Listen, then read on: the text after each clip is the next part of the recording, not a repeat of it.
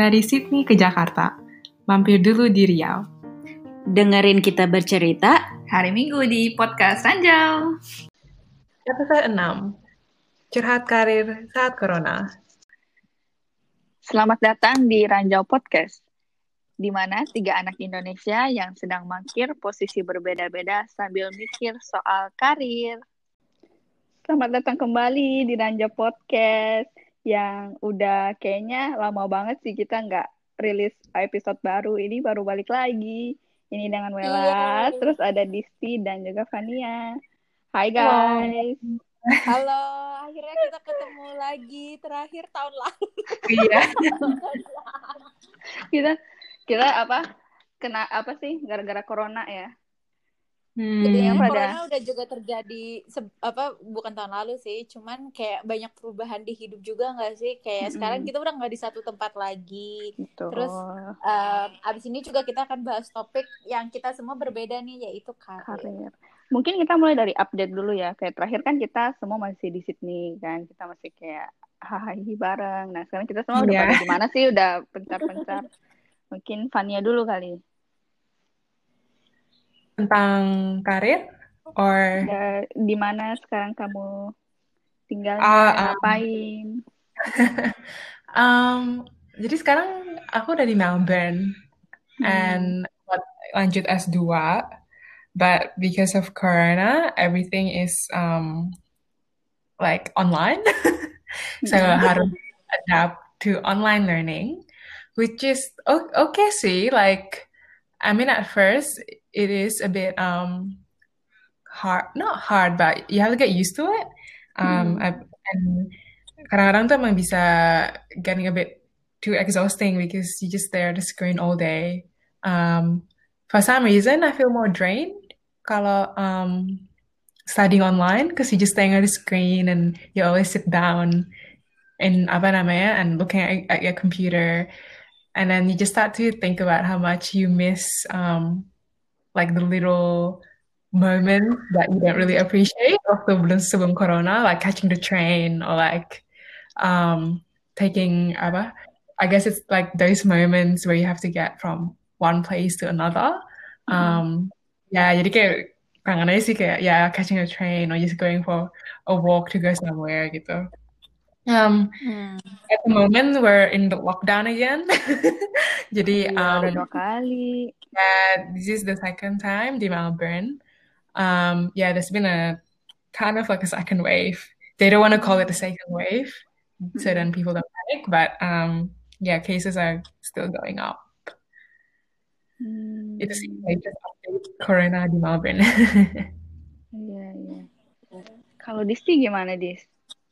Gua juga sejak episode kemarin gue udah pindah. Gue sekarang lagi ada di Jakarta dan dari karir juga um, I left my job in Sydney dan Hmm. sekarang gue justru sedang bahagia-bahagianya jadi freelancer Iya. um, terutama bidangnya di market research. Jadi gue sekarang lagi ngerjain beberapa project um, apa ya menganalisa tren-tren marketing dan mengekstrak um, apa sih simbol-simbol budaya yang di Indonesia misalkan dari analisa sosial media, dari memes itu ke brands. Jadi um, Hmm. terakhir project yang dikerjain lagi ngebahas uh, food and beverage industry dan um, gimana itu berubah karena dampak COVID-19 dan sekarang lagi ngerjain mixed realities. Jadi kan kalau di Indo tuh sekarang udah ada yang nikahan Zoom ya yang. IO-nya itu benar-benar bikin kayak background di belakang apa sih meja akad nikahnya itu hijau karena biar bisa diganti background.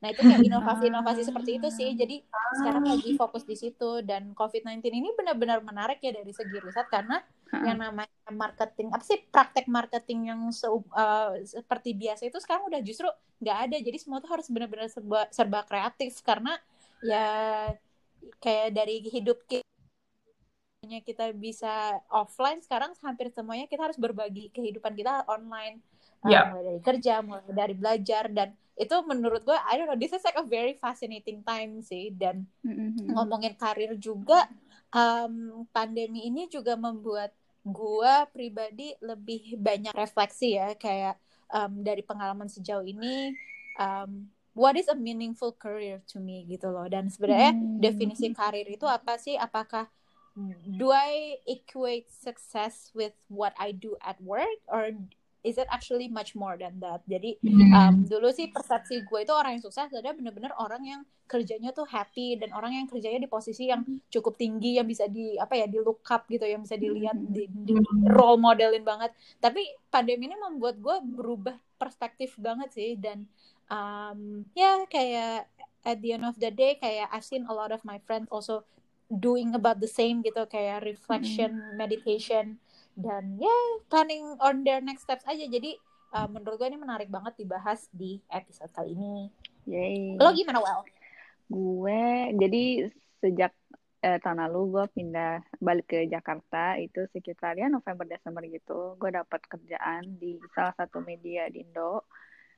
Kalau ya karena mungkin gue senang banget ya sama media karena gue juga udah pengen banget dari dulu nyincur media. Terus gue sekarang dapet gue sangat bersyukur sih juga timing pas gue dapet kerjaan ini sangat tepat kan kayak right before covid ini. Jadi gue sekarang I can still working.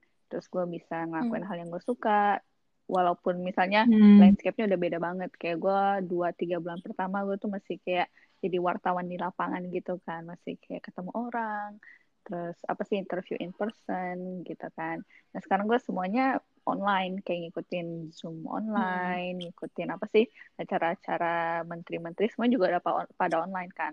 Walaupun ada beberapa yang Hmm. slowly juga mereka udah kayak konversinya udah di kantor kementerian dan sebagainya tapi mostly masih di rumah sih. Kayak gue mungkin ke lapangan cuma kayak mantau-mantau gitu mungkin tiga atau empat kali lah sebulan. Dan mostly ya gue juga nelpon narsum banyak.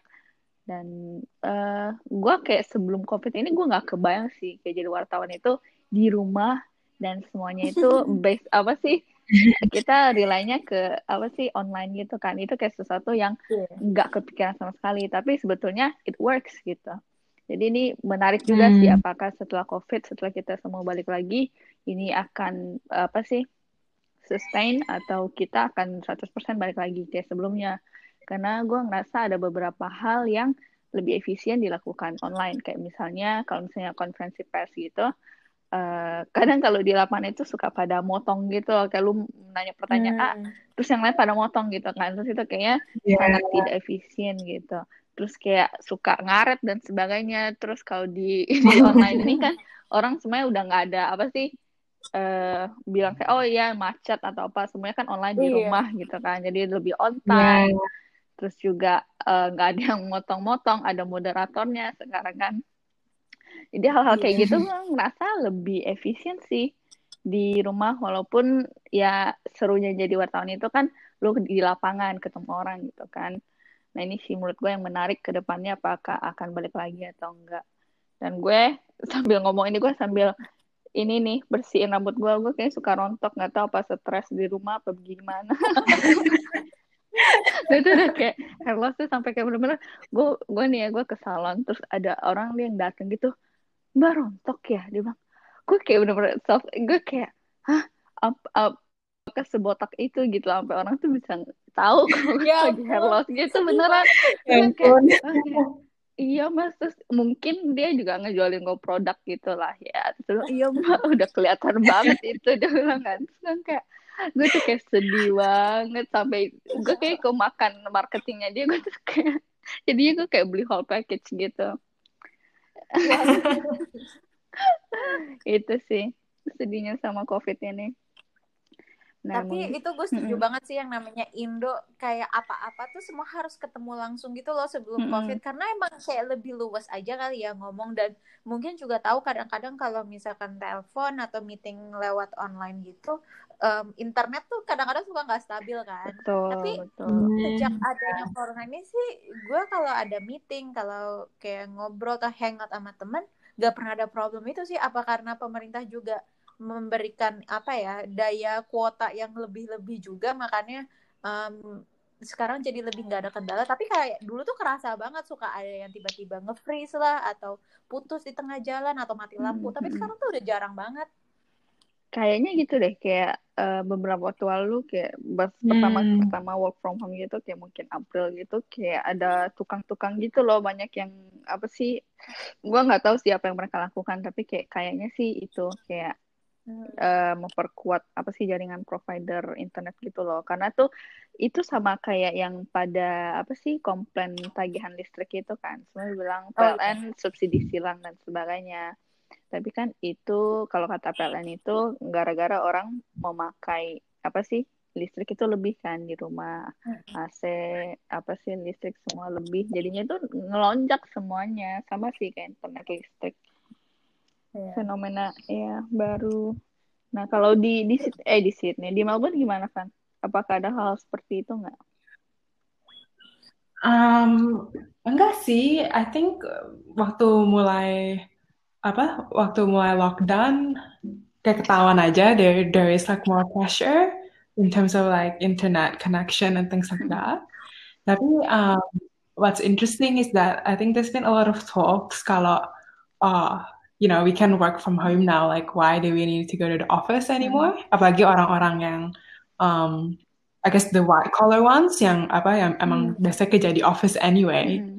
And um, th- yeah, there's been a lot of talks kayak, oh, what if you actually don't want to go back to work?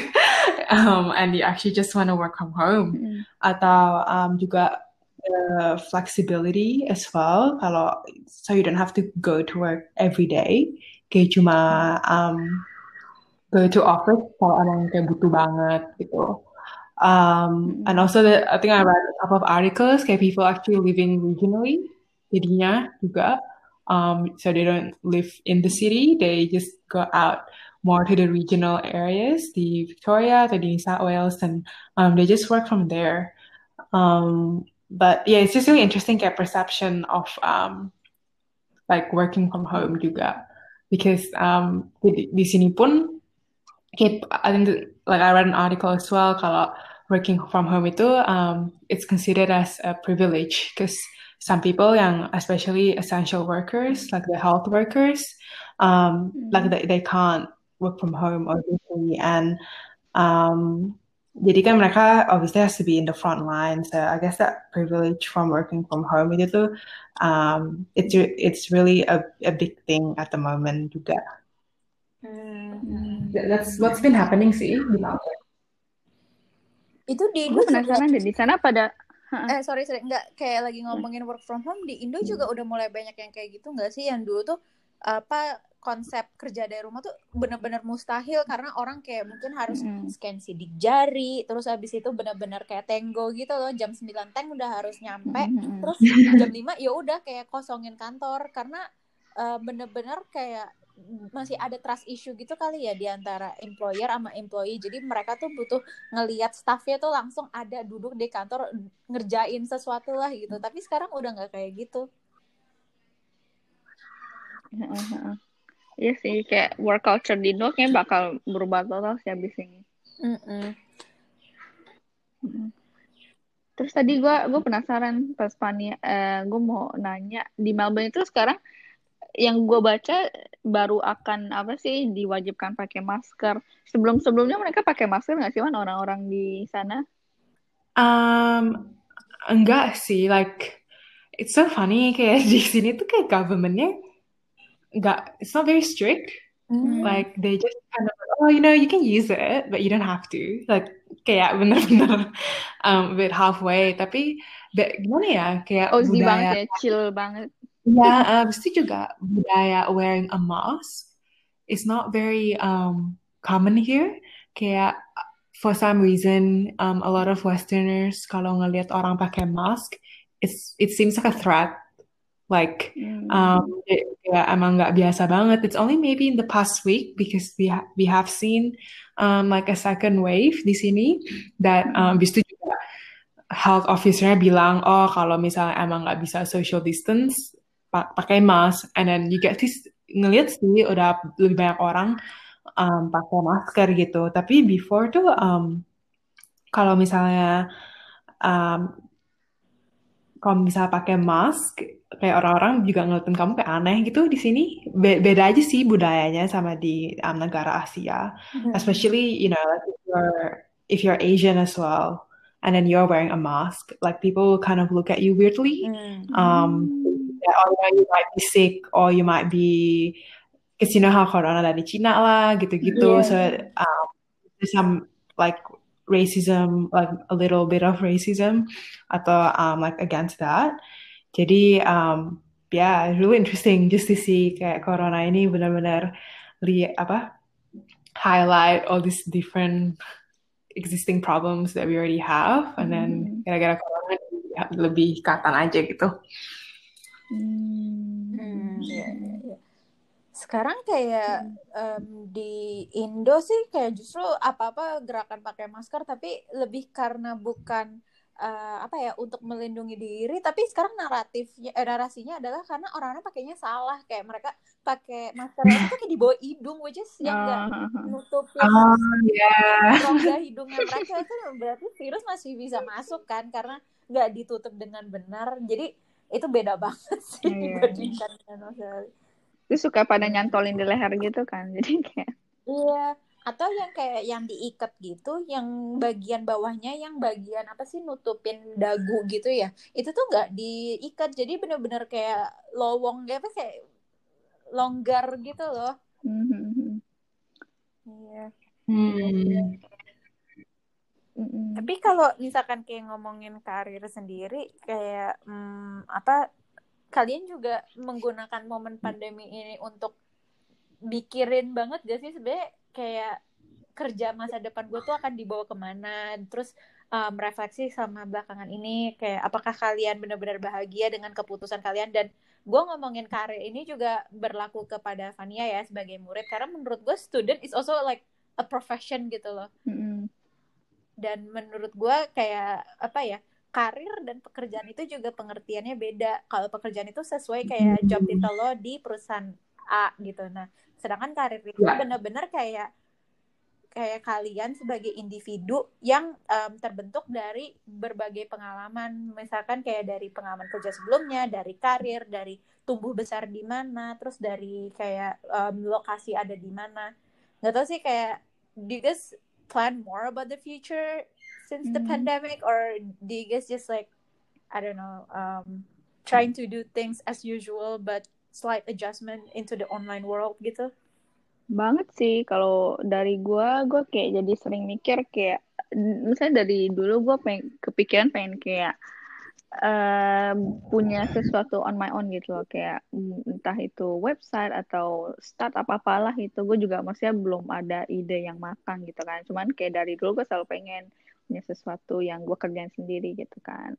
Nah karena ada pandemi ini gue jadi kayak lebih sering mikirin gitu loh. Kayaknya orang itu sekarang jadi lebih mem- memudahkan orang untuk berkreasi gitu loh. Kayak semuanya tuh se- semua orang kayak bisa gitu. Nggak kayak apa sih Hmm. not like you creating a corporation yang semuanya itu serba rumit gitu kan. Kayak ya lo mulai aja misalnya dari website atau apa. Kayak gitu sih. Karena walaupun gue enjoy sama pekerjaan gue sekarang gue kayak nggak mungkin ngelakuin hal yang sama untuk misalnya 10-15 tahun gitu kan gue ingin Hmm. apa sih ya berkembang lah sebagai seorang eh, apa sih individu gitu kan bukan cuma sebagai seorang pekerja tapi juga untuk ya career wise kayak sesuatu yang apa sih yang kita create on my own gitu loh kayak gitu sih Hmm. Mm-mm.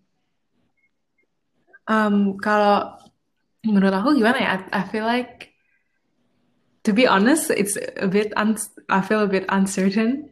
I'm actually a bit worried. Mm-hmm. oh Maksudnya gimana? ya? Because I think I think it's because because I used to work a lot, like because I worked for two years gitu, and I had two jobs dulu, and you know everything was kind of revolved around work.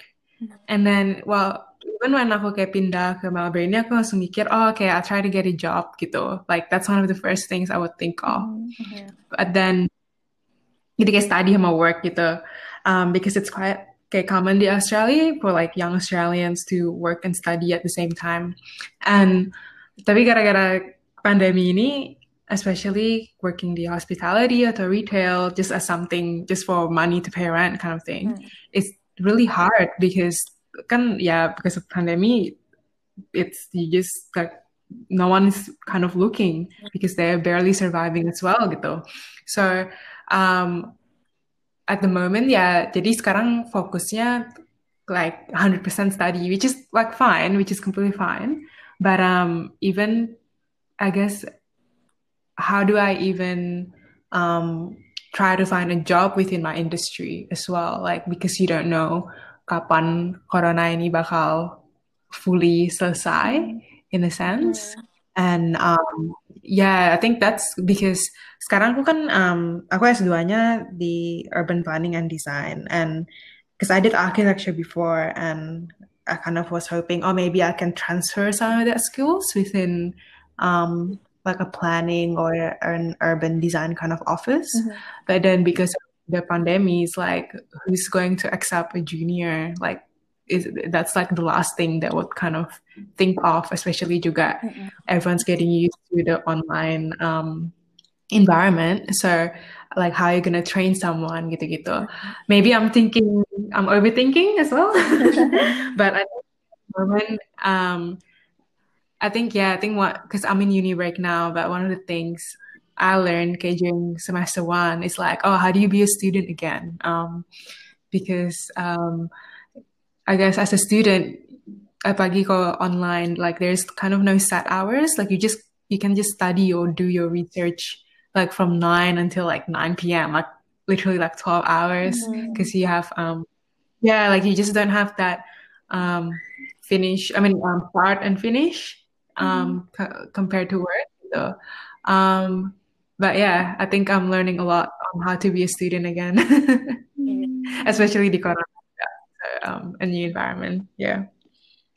Gue baca di media di Indo sih, jadi kayak sempat ada wawancara ke beberapa arsitek gitu sejak pandemi ini, apakah mereka berubah dari kayak apa sih um, approach desain mereka? Dan semuanya tuh pada bilang kayak mereka gara-gara pandemi ini jadi memikirkan banget untuk desain rumah itu tuh um, harus ada home office-nya justru karena ada Ya. pertimbangan itu mereka jadi ngurangin daerah living room dan benar-benar kayak bikin meja makan yang bisa multifunction jadi home office dan menurut gue I mean kayak kalau nggak ada pandemi kita nggak bakal mikir kayak gini gitu loh dan itu tuh dampaknya Hmm. kerasa banget dan we're talking about building a house that may get completed like in the next year or so kan jadi kayak kita Hmm. nggak bisa lihat instan tapi people are now like future forward thinking banget gitu loh Mhm. Yeah, and I think that's one of the things that one of our lecturer was saying, just like to cheer us up, like, oh, you know, being a student at this time is just one of the best things because,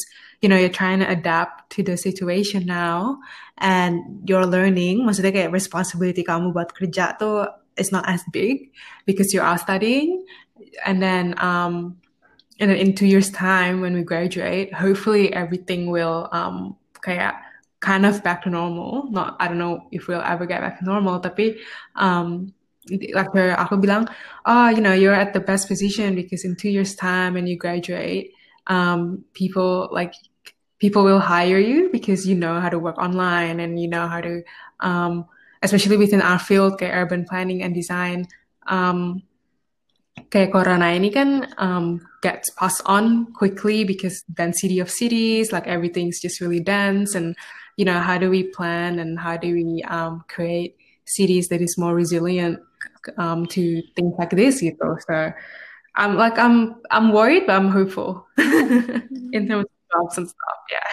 That's good. Dan lo sendiri, well, sebagai di media uh, apa atau berita itu kan itu salah satu industri yang um, sebenarnya tahan banting sama pandemi justru malah kayak sangat diperlukan kan untuk menyebarkan Mm-mm. um, informasi yang akurat dan um, jujur gitu. Dan um, dengan adanya pandemi ini lo ngerasa lebih bersyukur gak sih kerja di industri yang di mana itu tahan banting gitu? Kayak nggak kayak hospitality nggak kayak Mhm. um, F&B yang mungkin sekarang lagi kayak jatuh-jatuhnya banget sejak pandemi ini.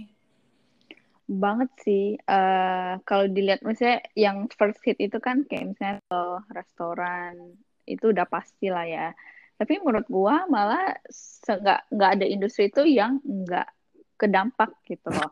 Mungkin lebih ke in apa sih lebih uh, dalam waktu yang nggak langsung gitu loh. Kayak misalnya media emang sekarang kan kalau dilihat dari apa sih uh, hitsnya itu jauh lebih banyak kan. Karena semua orang uh, terutama yang di online karena orang ini sekarang as, uh, apa sih asupan beritanya semuanya lewat online udah pada berkurang yang koran dan sebagainya. Tapi media juga nggak apa sih nggak kebal gitu loh. Karena akhir-akhir ini juga udah banyak yang mulai lay off gitu kayak di luar atau enggak media uh, apa sih dalam negeri juga udah hmm. pada layoff juga. Karena pendapatan utama media itu kan iklan dan iklan ini udah banyak yang di cut off. Kayak ya sekitar 60-70 persen gitu kan. Karena hmm. orang nggak bisa ngiklan. Karena mereka ngiklan juga nggak ada yang beli hmm. produk mereka gitu loh. Jadi sia-sia gitu. Yeah. jadi ya hopefully apa sih semuanya akan balik lagi ke apa sih normal. Cuman ya nggak ada yang apa sih safe juga sih kayak industri media juga walaupun orang mikir pasti kayak oh media ini pasti aman banget kan. Semua orang butuh asupan berita. Cuman mungkin in long run kalau ini enggak apa sih uh, misalnya nggak sampai yang kita harapkan misalnya akhir tahun dan sebagainya masih sama ya bisa uh, orang-orang di media juga kehilangan pekerjaan gitu hmm. karena apa cost di media itu kan hmm. juga lumayan besar ya dan kalau misalnya hmm. pemasukannya udah mulai terganggu juga akhirnya ya yang kena juga orang-orang di bawah gitu sih ya hmm. yeah. dan di Indo tuh kayak sekarang struktur kepegawaian perusahaan juga berubah banget karena kayak hmm. apa sih gue dengar banyak gitu industri-industri yang sebenarnya nggak harus nge-hire orang full time um, dulu tapi masih kayak full time gitu karena kan yang namanya full time itu diasosiasikan dengan oh kalian akan dapat asuransi dari perusahaan dapat pesangon hmm. THR dan segala macam dan sekarang tuh ya. um, banyak banget yang justru statusnya dirubah um, menjadi kayak kontrak atau freelance jadi benar-benar kalau ada butuh proyek aja bakal dipanggil gitu dan um, menurut gue ini akan menarik sih karena um, hmm. pertama kayak konsep orang yang freelance atau misalkan um, kontrak gitu kan nggak um, tahu ya kayak di Indo menurut gue masih kesannya agak negatif dulu sebelum pandemi karena masih ada ketidakpastian kan um, apa kalau memang kayak misalkan dipecat gitu itu tuh bisa tiba-tiba banget dan itu hari itu juga udah ya udah selesai gitu loh gak gak ada tunjangan gitu dan sedangkan kalau full time kan dulu semuanya kayak all in one package nah tapi karena di ya. pandemi yeah. dan banyak perusahaan yang sekarang strukturnya benar-benar freelance justru kayak um, pegawai full time-nya itu dikit banget ya udah itu jadi new normal aja. Jadi orang tuh kayak sekarang kayak ngeliat oh kerjanya gimana? Oh ya kontrak. Oh ya udah biasa aja gitu. Karena uh, menurut gue di pandemi ini apalagi orang yang baru kehilangan pekerjaan ya itu tuh apa pun pasti bakal bakal disyukurin banget. Termasuk juga kerjaan-kerjaan mungkin yang less than ideal. Kayak misalkan mereka dulunya bisa kerja di posisi apa terus sekarang harus ngambil yang lebih rendah. Tapi karena dari pandemi hmm. ini tuh kayak sekarang apa aja diterima gitu loh. Iya Yeah, I mean, um, at the moment, kayak kebanyakan, you know, like pilots and mm, airline yeah. hostess and things like that. Um, because one of the airline, Australian airline, mm-hmm. Virgin namanya, it went to um, it went bankrupt. Mm. Jadi a lot of um, kayak pilots and um, air hostess and things, they they like stacking up um products at Woolies, jadi kayak local supermarket Australian, like you know doing night shifts and you know like you read all these articles and they're saying oh you know we still need to feed our family like we can't just not do anything gitu. Mm. So a lot of them yeah they just they just um just just take what they can because yeah it's hard at the moment. Iya sih. Iya di artikel gue juga sempat baca ada anak lulusan S2 di Surabaya gitu karena saking dia tuh pas banget baru lulus hmm. pas pandemi terjadi ya kayak lagi rame-ramenya di Indo which is sekitar bulan ya. April apa. Nah, terus kayak gara-gara dia memang mau nggak mau harus kerja, jadi dia jadi OB, sedih banget. Hmm. Lulusan S2, guys. Iya sih, baik. Yeah. Sama banget orang yang banting setir kan. Kayak gue juga ada temen yang kerja di apa sih uh, syuting iklan gitu loh. Terus sekarang karena udah nggak bisa syuting kan, PSBB dan sebagainya udah berapa bulan, akhirnya pada kayak ada yang jualan masker, kayak jahit-jahit masker sendiri, atau nggak banting Hmm. setir juga kayak misalnya jadi apa sih penerjemah atau nulis Hmm. freelance kayak gitu maksudnya kerjaan apa aja yang bisa mereka dapat ya mereka kerjain dulu gitu loh karena udah beberapa bulan mereka nggak punya pendapatan gitu kan jadi tuh gue juga Iya. kadang kalau gue mikir gue juga khawatir sih. Maksudnya kalau sampai akhir tahun misalnya nggak membaik akan Iya. gimana gitu. Nah, heeh, masa depannya ya. Iya, dan kayak kita juga di Indo sendiri udah ngelihat ada beberapa startup yang akhirnya gulung tikar. Kayak Hook itu yang Hmm. dulunya kita pikir oh kayak karena ada pandemi ini orang makin banyak yang dari rumah jadi akan sering banyak streaming video. Toh itu pun juga nggak tahan banting. Jadi benar kata Wela tadi sih sebenarnya Hmm. semua industri kena dampak dan semuanya itu juga punya resiko untuk gak selamat dari pandemi karena benar-benar gak ada yang tahu ini akan ujungnya tuh sampai di mana gitu. Mm-mm. Hmm, Yeah. But I think one interesting thing, kayak apalagi dilihat di Indo, is how people kind of bring their own entrepreneurship kind of apa ways to so then they can survive. Um, kalau di sini kan, I guess there's no kayak jarang begitu ya, just starting up their own. Ya, kayak um, kayak di Indo mulai jualan makanan atau waktu Lebaran tuh ibu-ibu mulai jualan kue-kue sendiri gitu. Like they try to um, kind of do things himself, which is quite interesting. Kayak comparing ke um, di, di Australia gitu. Because some of my friends yang di Bali, Bali kan obviously uh, very um, reliant on tourism, Hmm. and what's tourism now? so then um, a lot of hotels closed down. Habis you got workers pada di layoff and things like that. And one of my friends, dia um, kerja as a events manager for this beach club, but then obviously because of Corona, um, you can't have those kind of things anymore. So dia kayak suka cycling, and he ended up kind of doing apa kayak Gojek gitu, tapi with, but with cycling Oh. and yeah, so he delivers kayak um, products or whatever it is, um, but then with the kind of apa like a green alternative because it's like cycling. Mm-mm. Um, so like he started that by himself, but now he has like a team of like four to five people, and like he's doing really well. And yeah, it's just like really interesting, and I guess um, how creative people can be when they're kind of put into this kind of situations. Mm. Um, yeah, and then kind of also like another my friend, like she starts gardening and just selling her produce as well. So interesting banget sih ngelihat kayak how um kayak situation gini bisa really change someone's career because you know just basic survival like that's what they need. Mm-mm. bisa jadi juga kita banting karir kita jadi apa sih mengeksplorasi sesuatu yang kita nggak kepikiran tapi kita malah lebih enjoy ya nggak sih kayak dulu Hmm. orang kan mikir pekerjaan itu kalau lu sukses itu lu kantoran korporasi 9 to 5 lu apa sih eh, corporation Mm-mm. ladder lah kayak lu naik terus naik naik. Tapi sekarang orang apa sih pekerjaan itu jauh lebih apa sih bervariasi gitu.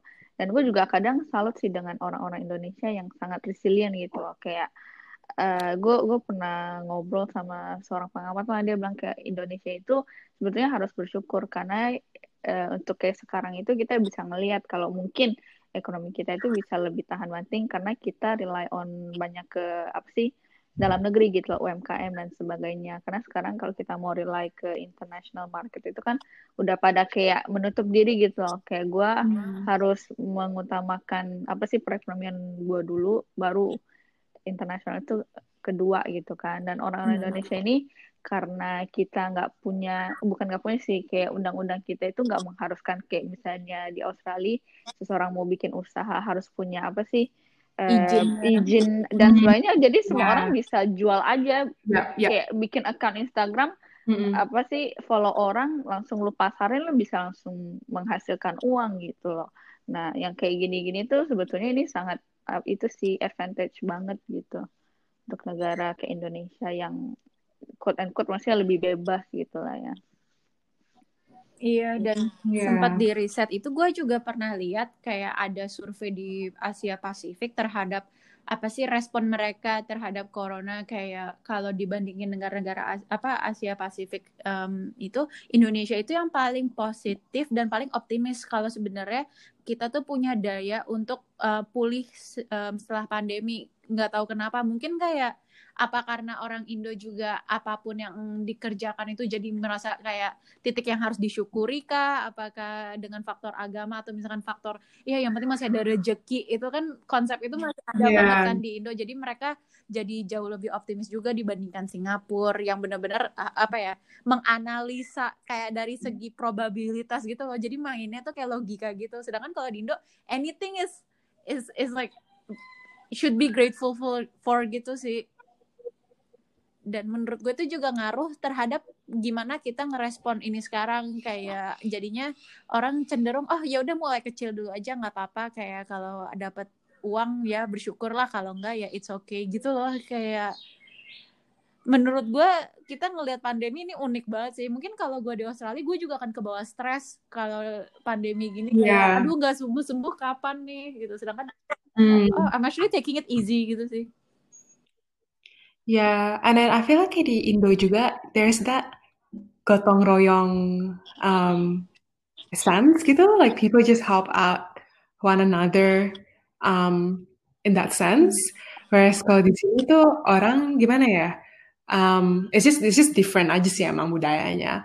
But like you, your sense of community benar-benar is challenged during this pandemic because um, a lot of people tuh apa gara-gara isolation they get really lonely and they get really you know mental health-nya jadi go down and things like that. And some people emang bisa benar-benar ya, bisa you know kena mental health issues like depression and anxiety and things like that. So, um, apa? Um, jadi kalau that sense of gotong royong I think really helps kayak di Indo even though emang situasinya um, lagi parah gitu um, yeah yeah so that's kind of how I feel um, in regards to that Iya. Yang gue juga penasaran di kantor lo, well atau di nggak tahu ya di kampus gitu. Sekarang dengan adanya pandemi dan banyaknya orang yang punya mental health issues, mungkin gara-gara fatigue atau mungkin karena udah kelamaan di rumah, itu em, sekarang perusahaan-perusahaan atau kayak institusi gitu ngebagiin em, jasa mental health gitu nggak sih kayak free counseling service gitu? Kalau di tempat gue belum sih, belum ada ke sana. Cuman lebih kayak sekarang mereka lebih conscious kayak ke kesehatan, masih ke kayak kesehatan fisik sih. Maksudnya kayak oh iya kalau kalian misalnya sakit jangan dipaksain ya. Maksudnya kayak harus kasih tahu dan sebagainya nanti dikasih istirahat gitu kan. Yang sebelumnya kan maksudnya percakapan kayak gitu kan jarang, jarang banget kan hampir nggak ada gitu. Kayak kita ya udah kerja seperti biasanya orang kurang peduli dengan apakah kita apa sih fisik kita kuat, mental kita bagaimana gitu. Belum sih kalau misalnya sampai ke mental. Mm-mm. Apa karena apa karena mereka apa mikirnya orang Indo lebih itu kali ya, lebih resilient gue juga nggak tahu sih. Cuman belum ada. Um, kalau di sini sih um, kayak mental health has always been an issue, like not issue, but I guess selalu di brought up gitu, even before the pandemic starts. Tapi um, like we always um, like I don't know if it's just Monash. So I go to Monash University, di um, Melbourne, and most of the time we do get like a checkup email dari kayak um, faculty kita, like the dean of the faculty, um, katanya aja, like, you know, how we're going, gitu-gitu. And then they always provide like a mental health um, kind of um, number or like where to go kalau misalnya emang lagi feeling down or um, lagi rasa depressed or things like that. Um, there's been actually like a study like recently showing how young people um, kayak are the ones that is really suffering the most in terms of mental health because um, kebanyakan young people di sini in early 20s um, they work apa within hospitality or retail as, and also um, fresh graduates as well, young they can't really find a job at the moment. And there's been a study how uh, mental health, yeah, completely like a lot of people has gone into that um, anxiety and kind of like depression um, stage. Um, but I think it went really up during during um, March and April.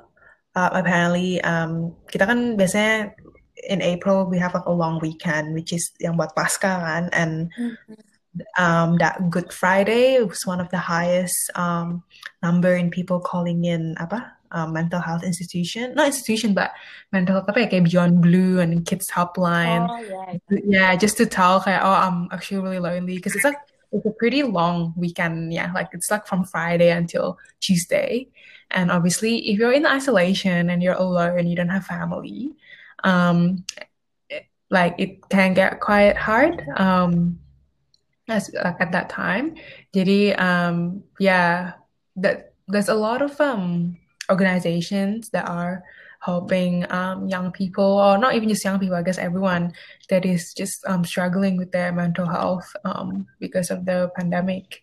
I guess it's different kalau di Indo ya, because I'm not sure kalau di Indo pun, do you guys talk about mental health a lot, a lot, like even before the pandemic, like yeah.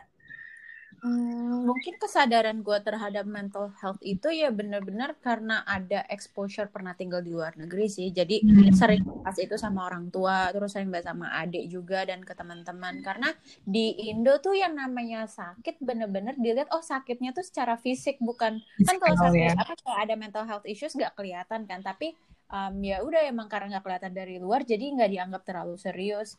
Cuman sekarang ada sih beberapa perusahaan yang gue lihat sejak pandemi ini nawarin jasa konseling sama psikolog atau psikiater gratis gitu. Biasanya pakai teleconsultation, nama aplikasinya Relief R I L I V ya Relief.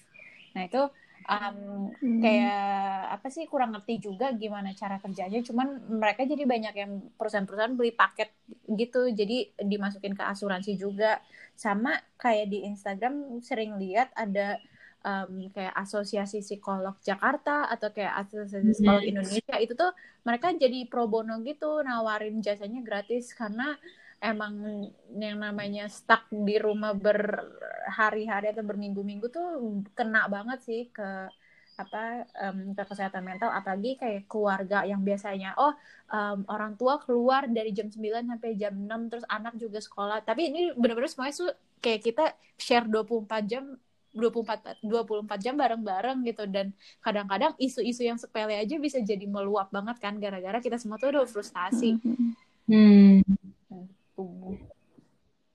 Benar sih. Yeah. Yeah, I- like Mm-mm. uh, sorry, you go. Oh enggak, ini kayak I was about to go to another topic lebih kayak upskilling gitu sih. Gue juga kayak lihat di LinkedIn tuh banyak banget orang-orang sekarang yang ngambil kelas Coursera, kelas apa sih kayak ya kelas-kelas gratisan gitulah. Mhm. Banyak sih kayak teman-teman gue juga sekarang pada kayak ngambil kursus bahasa Hmm. asing gitu dan banyak sih kayak gue juga kemarin-kemarin juga eh, sempat ambil Coursera juga kayak ngambil ilmu jurnalistik.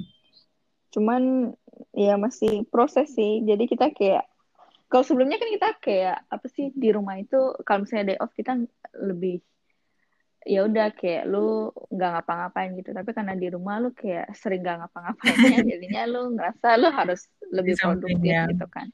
Padahal kerja ya sama aja lu kerja ya sama stresnya sih bahkan lebih stres juga. Nggak tahu sih itu mungkin juga kayak mind trick kita gitu nih.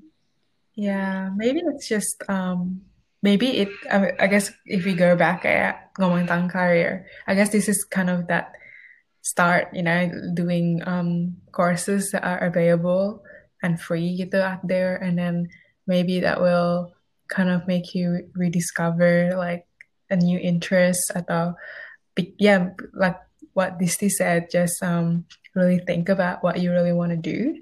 And I guess because um kalau di I'm not sure kalau di Indo ya, tapi kalau di sini kan because of corona the the pace has completely slowed down and you know kayak Australia kan agak um, pace-nya lumayan cepet. Like there's no such thing as santai in a sense kayak di Australia you know. Um, jadi I think because of Corona people jadi think about that kind of santai factor and also um, maybe this is the time to pick up new hobbies atau um, yeah learn new um, things um, online and yeah it's just really interesting what people has been up to di sini sih kebanyakan orang lagi bake bread. Everyone's like baking bread at the moment. Um, yeah like especially um, in the first lockdown. I guess not in the second lockdown as much because um, the numbers are getting a bit like worry, worrying gitu. So people are not like really baking bread as much. But um, yeah it's just interesting to see what people get up to um, during corona yeah. yeah. Dan itu benar banget sih sejak ada corona itu kan kayak yang namanya zoom meetings atau mm-hmm. yang jam kerja tuh harus apa ya ada kasih ilusi kalau kita tuh harus standby 24 jam gitu loh karena meeting tuh bisa iya. benar-benar dari kayak nonstop berjam-jam dan untuk merilis stres gue sempat baca studi juga kayak sekarang tuh orang hobinya bener-bener yang they, they embrace the slow lifestyle yang kayak disconnected gitu ya either itu gardening atau itu baking jadi um, yang hmm. namanya instant gratification tuh justru sekarang jadi jadi menurun karena um, dengan hmm. kayak orang jadi hyper connected sekarang mereka lebih menghargai rutin-rutin yang justru ngelihat proses tuh penting gitu kayak itu nggak bisa lihat instan. Jadi kayak lihat baking itu kan harus ada prosesnya dan harus yeah, yang yeah. benar dan gardening juga numbuhin dari bibit itu kan nggak akan tumbuh jadi pohon. Jadi um, mereka sekarang nggak tahu sih pekerja-pekerja urban jadi lebih pilih hobi-hobi yang yang slow gitu kayak sepedaan kayak terus yeah. atau um, ya yang tadi baking sama gardening. Yeah yeah it's it's just really interesting how people um, take this different like how like within an individual level like you just get to see how people respond. Um yeah.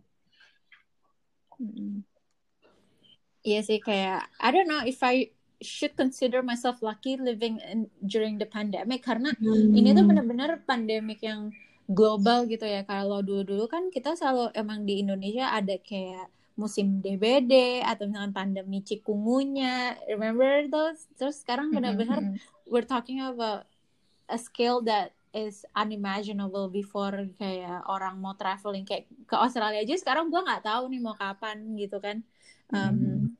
dan benar-benar ya udah uncertainties dan ya gue nggak tahu apakah ini har apa ya will will it change forever? Gitu. Apakah will will things actually go back to normal in some sense? Kayak yeah. in the next few years after we recover after we found a vaccine. Dan itu juga dengan perspektif karir kayak will will this mean the death of some jobs in kayak apa ya mungkin kerja di hospitality kayak it will never be the same. Atau misalnya kerja travel agent juga nggak bakal ada lagi. Justru sekarang um, kerja-kerjaan yang lain justru new job titles will come because of the pandemic. I'm not sure Mm-hmm. Yeah. Kayak pandemi ini bakal masuk ke buku sejarah gitu. Iya, yeah, Hopefully we survive this though. Kita belum tahu ini yeah. masih berlangsung.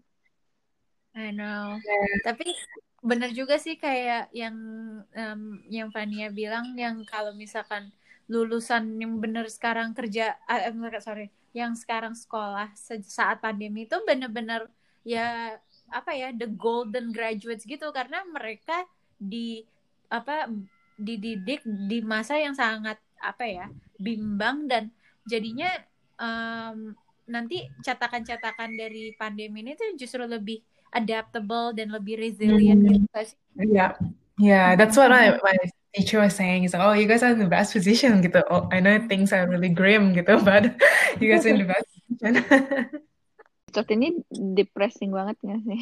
Iya.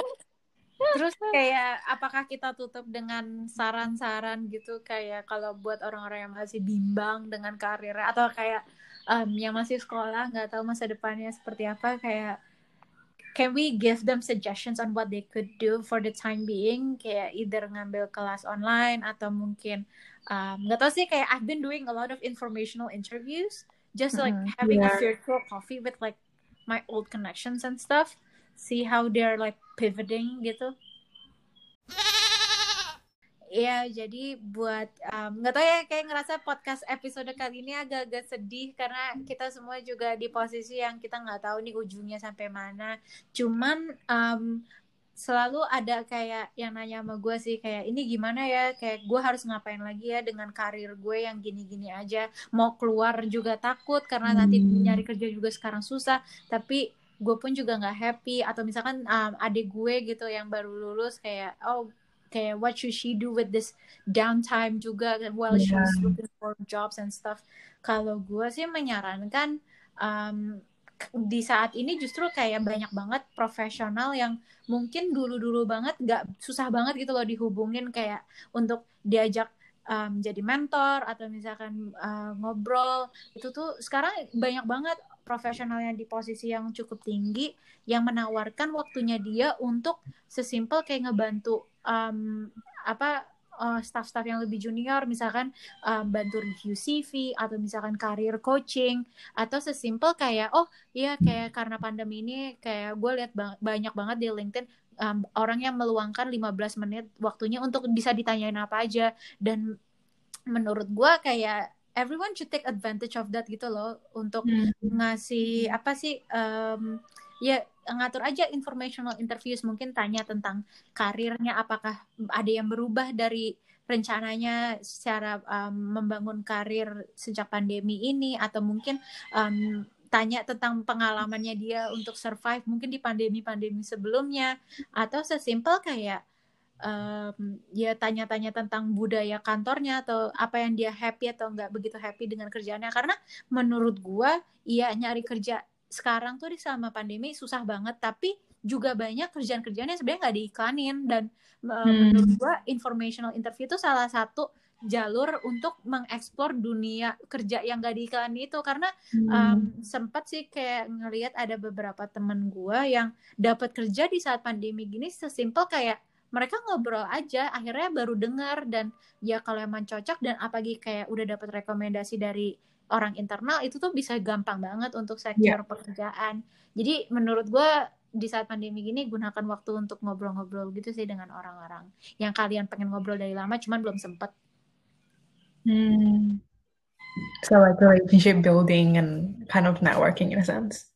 iya benar Um, I think kayak maybe like as someone and ya mas lagi lagi um studying and not really having like a job at the moment, I think this is a really good time to build up like your skills just by yourself or even like trying new skills as well that can um apa contribute to your career later on. Jadi um just say for me kalau misalnya aku emang lebih design based, so I try to do more um kind of practice my software skills at this time or um it's just all the hard and soft skills that you've that you have or the ones that you know need improving. Um there's like so many um things that you can kind of practice on at this time because apa namanya emang lagi things are just like slowing down and when things start start to go back to normal that's when you can kind of put in your resume or in your CV saying oh you know I know how to do this skill now and you can really put that forward in whatever job that um kind of you want to apply for. So I think that's that's the way I see it for someone yang masih a bit uncertain bakal kayak gimana entar and um I guess you, you you have to kind of take it day by day where you're like okay today I want to develop my skill in here and then next week I want to develop my skill in another um like like another skill gitu. Um itu sih. That's kind of what I'm thinking at the moment.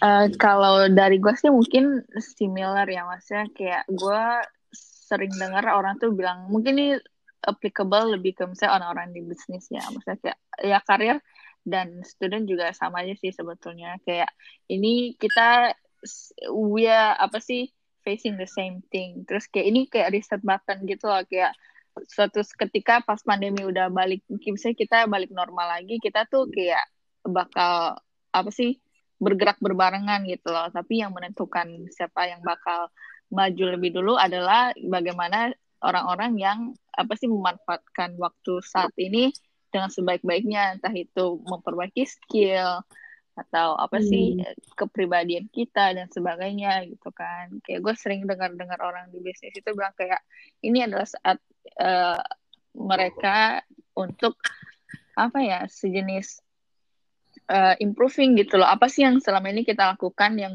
kurang efisien? Nanti ke depannya kita bisa apa sih seperti apa lebih baik lagi kayak gitu. Karena nantinya yang mengoffer apa sih jasa dan barang itu akan berbarengan semuanya kan dan hanya mereka yang lebih baik dari yang baik itu yang bakal dicari orang. Jadi ini krusial banget sih menurut gua kayak kita gimana memanfaatkan waktu ini untuk entah itu ambil les sampingan atau enggak memperbaiki skill kita dan sebagainya. Itu sih. Hmm. Setuju dan mungkin kayak dengan banyaknya waktu misalkan untuk orang-orang yang terkena PHK karena pandemi gini gampang banget untuk jatuh ke apa ya jebakan di mana oh dengan gue banyak waktu gue tuh bener-bener harus kayak um, ngambil kelas mati-matian terus kayak apa apply kerja sebanyak mungkin sampai kayak hmm. gak tidur-tidur jangan juga sih karena menurut gue iya yang namanya kena PHK saat pandemi gini it can really turn your life upside down but at the end of the day yeah it all needs to come as a balance juga sih kayak yes mm-hmm. applying for a job can be a full time apa ya a full time responsibility where you have to like um, dedicate a chunk of your day to day to apply for jobs but um, don't make it too stressful on you as well karena emang di pandemi gini kita nggak ada yang tahu ya kayak siapa yang um, eventually survive siapa yang enggak dan um, mm. just take care of yourself take care of your health um, mm. I think that's the most important sih at this point benar-benar ya mungkin have fun living aja sih maksudnya ya ini adalah bagian dari hidup yang mungkin bagian ini nggak nggak menyenangkan gitu tapi ya udah mungkin kalau kita lebih positive thinking akan lebih mudah dijalanin kali ya. Betul. Yeah, just take it one day at a time. I think that's how I'm trying to take it now. mm-hmm. Dan kayak nggak nggak ada seorang pun tuh yang benar-benar tahu kayak maksudnya kita seharusnya seperti apa sih bersikap seperti apa sih di tengah pandemi ini. Nah ini sesuatu yang baru banget ya kita semua kan. Kita juga maksudnya semua berusaha untuk apa sih melihat bagaimana kita bersikap gitu loh. Jadi ya jangan terlalu distreskan. Walaupun ya emang sih pasti sangat apa ya untuk mereka yang di PHK yang hmm. kurang apa sih pemasukannya dan juga masih harus membiayai keluarga itu pasti understandable lah sangat stres gitu. Tapi ya kita gimana ya untuk nggak jatuh untuk misalnya depresi itu kan akan jadi sesuatu yang jauh lebih sulit gitu loh untuk kita. Mm -hmm. Betul. Ya. Yeah. Gitu. And, and that marks the end of our podcast, I guess. Yay. Terima kasih buat kalian yang udah nanyain selama ini eh, podcast kapan kapan lagi. Kita kita kita dapat ribuan email yang nanyain kapan sih yeah. kalian akan rilis episode baru lagi. Nah inilah dia. yeah, thanks for waiting and I guess the pandemic also made us have time to record episodes now. yeah, yeah. Oh, Hopefully we'll do it more often, right? Yeah. Yes, for sure. Then hope you find this um, chit chat helpful, useful, and com- coming back stronger and happier at the same time. Dan kalau ada topik apa yang harus kita bahas berikutnya, now that we're living in three separate locations, let us know.